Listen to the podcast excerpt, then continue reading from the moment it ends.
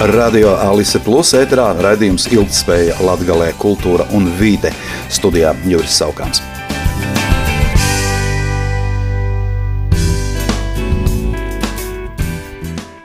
Otradienas preses konferencē Daugopils pašvaldības priekšsēdētājs Andrejs Elksniņš nāca klajā ar paziņojumu, ka Daugopils cietokšņa saimniecisko lietu pāraudzībai iecerēts veidot jaunu iestādi, apvienojot vairākas līdzinējās struktūras. Un šī ziņa guva necerētu atsaucību daudzos valsts medijos, pilnīgi iespējams tāpēc, ka Daugopils cietoksni daudz no mums uzskata par ārkārtīgi interesantu vēstures artefaktu un pagātnes liecību.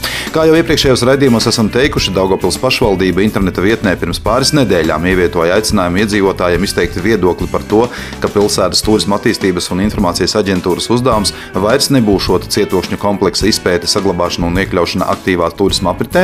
Šīs izmaiņas nolikumā paredzēja no amata atbrīvot Daugopils cietokšņu pārvaldnieku Jāni Dukšinsku un viņa vietnieku Jāni Ostrovski. Dukšinskis pēdējās pašvaldību vēlēšanās tika ievēlēts Daugopils domē no pašlaik opozīcijā esošās Latgales partijas saraksta taču deputāta mandātu ir nolicis.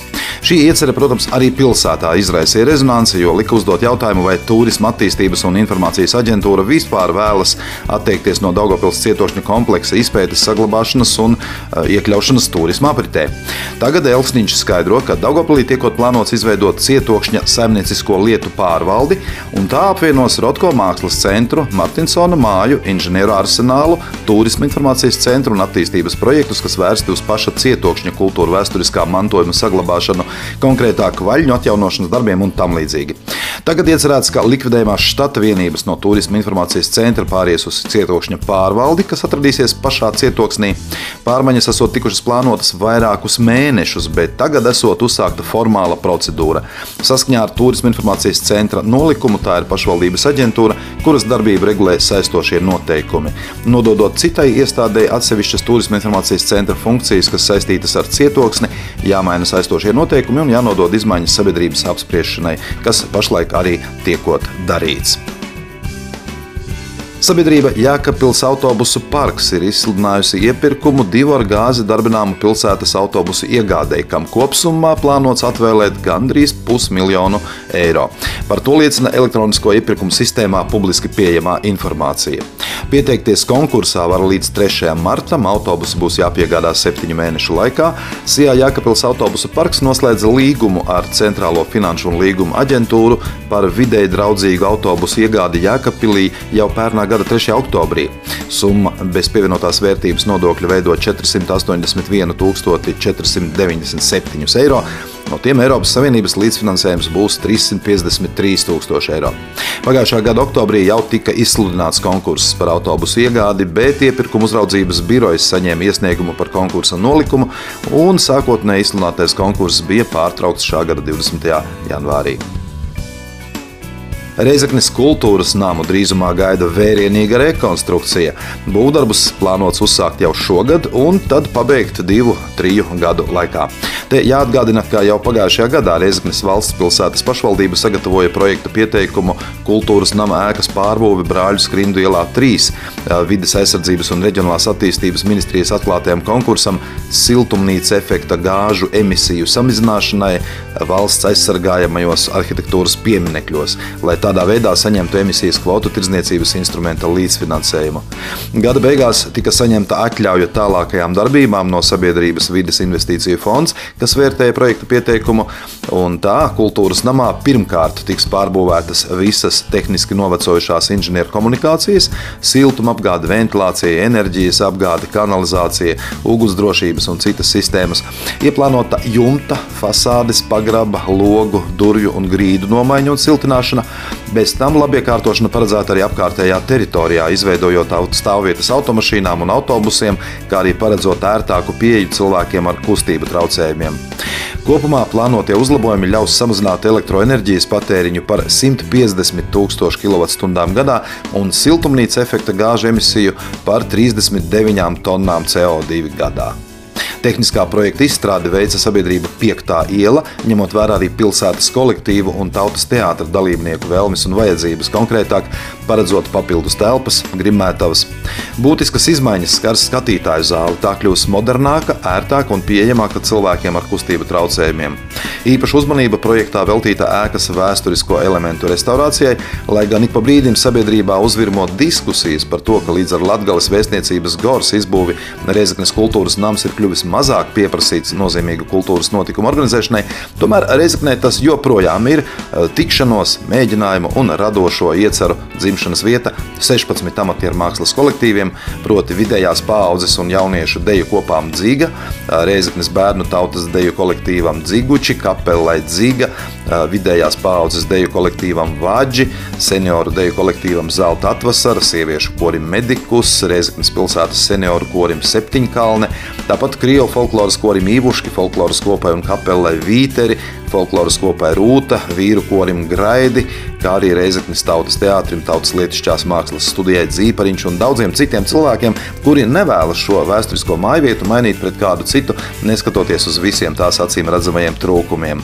Pēc Kristīnas Kokorevičas, Reizeknas valsts pilsētas pašvaldības aģentūras Reizeknas kultūras un turisma centras direktoris teiktā, visi ilgi gaidīja, kad pienāks kārta kultūras nama pārbūves projekta īstenošanai, pat ja ēka nav avārijas stāvoklī, tik un tā remontā jāiegulda daudz naudas. Un vislabāk šādus jautājumus atrisināt kompleksi, kas ir iespējams tikai lielā projektā, piesaistot Eiropas Savienības struktūra fondu finansējumu. Neskatoties uz to, ka kultūras nams kopš 2014. gada nav aģentūras struktūra vienība, tas joprojām paliek atsevišķu pasākumu, kā arī daudzu amatieru kolektīvu, tautas lietišķās mākslas studijas un citu darbības vieta. Tāpēc Kristīna Kokoreviča vēlas mierināt tos, kuriem sāp sirds par kultūras nama atjaunošanu. Pašlaik sadarbībā ar izglītības pārvaldi un aģentūras struktūra vienībām tiek risināts jautājums par to, lai remonta laikā kolektīviem nodrošinātu telpas mēģinājumiem un darbībai. Direktore pauž pārliecību, ka uz būvdarbu pabeigšanas brīdi uzkrāsies daudz labu ideju, kā piepildīt atjaunoto kultūras namu ar interesantu klātbūtni un arī saistošu saturu. Pārbūves projekta realizācijai ir nepieciešamas ievērojamas investīcijas. Kopējās attiecināmās izmaksas ir gandrīz 2,4 miljoni eiro.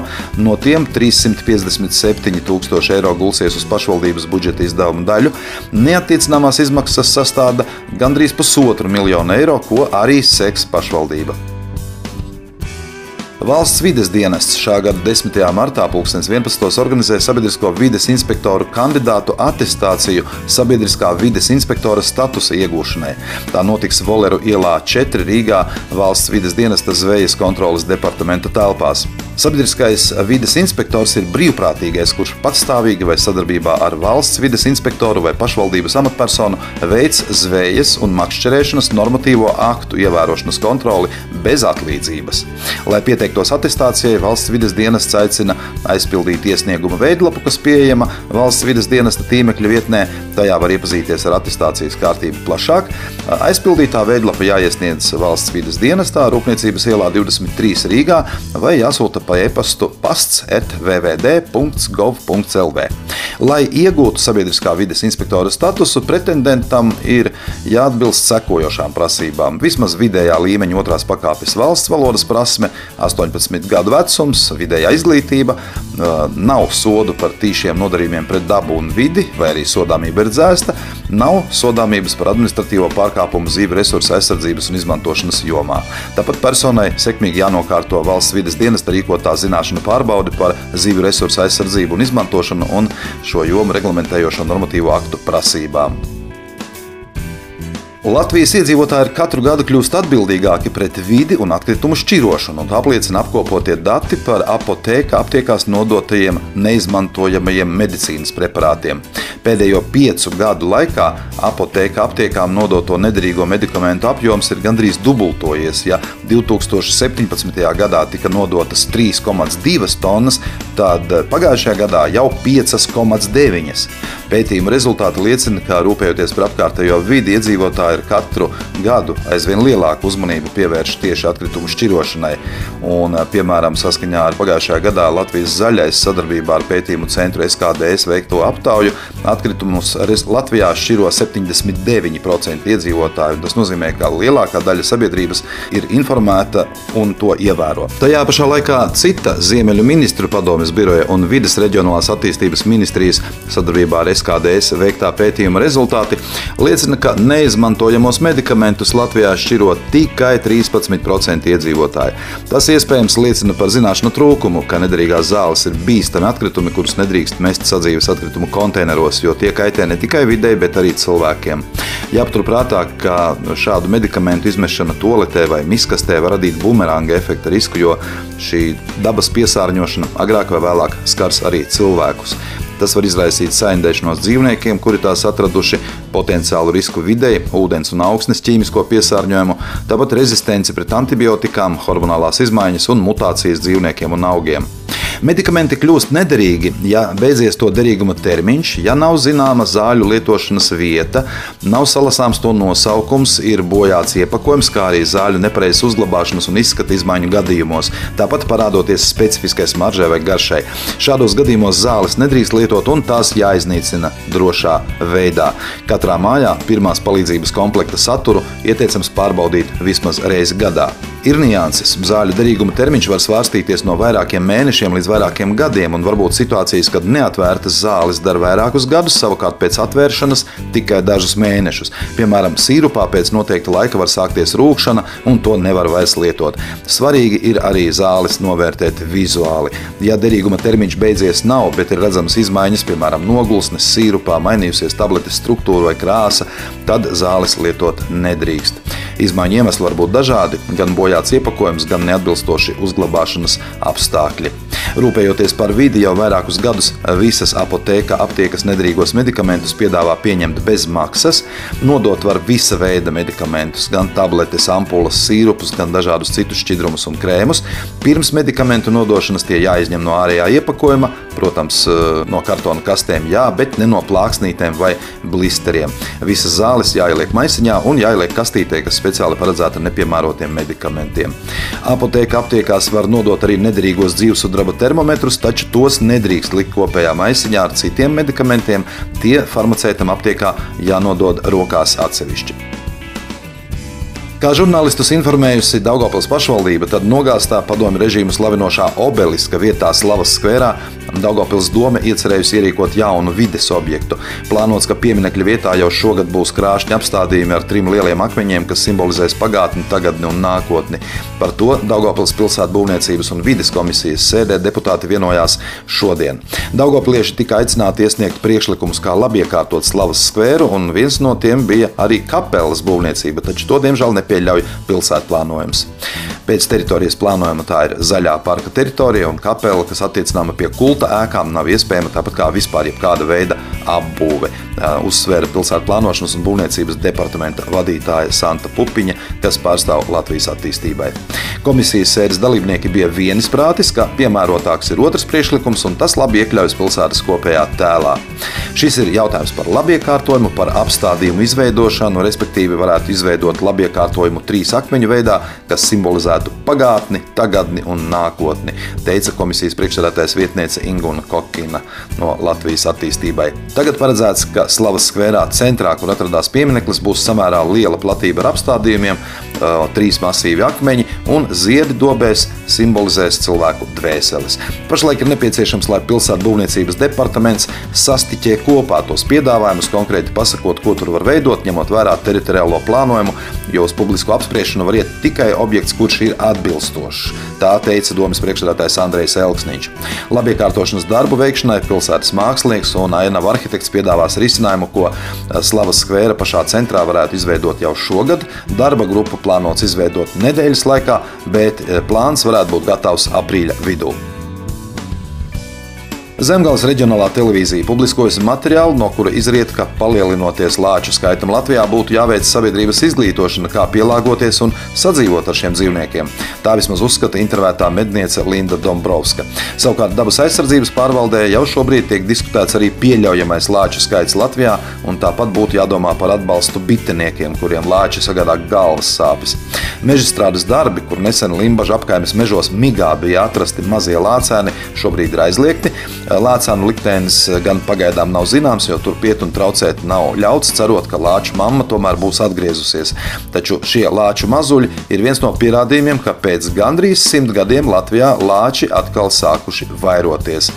Lācis ir aizsargājums dzīvnieks, Latvijā lāču medības ir aizliegtas, Tāpēc speciālisti norāda, ka cilvēkam ir jāmācās sadzīvot ar lāci, un tādēļ jāsāk sabiedrības izglītošana, kā pielāgoties un sadzīvot ar lāčiem mežā. Linda Dombrovska norādīja, ka citiem var likties, ka tas ir ļoti smieklīgi, bet igauņu ticējums vēsta, ka mežā ir jāiet dziedot. Tādā veidā mēs darām zināmu savvaļas dzīvniekiem, ka tur esam, un normālos apstākļos savvaļas dzīvnieks no cilvēkiem izvairīsies. Rēdījumi ilgspēja Latvijā, kultūra un vide to par Sabiedrības integrācijas fonda atbalstu Radio Alisa Plus studijā bija Juris Savkārs.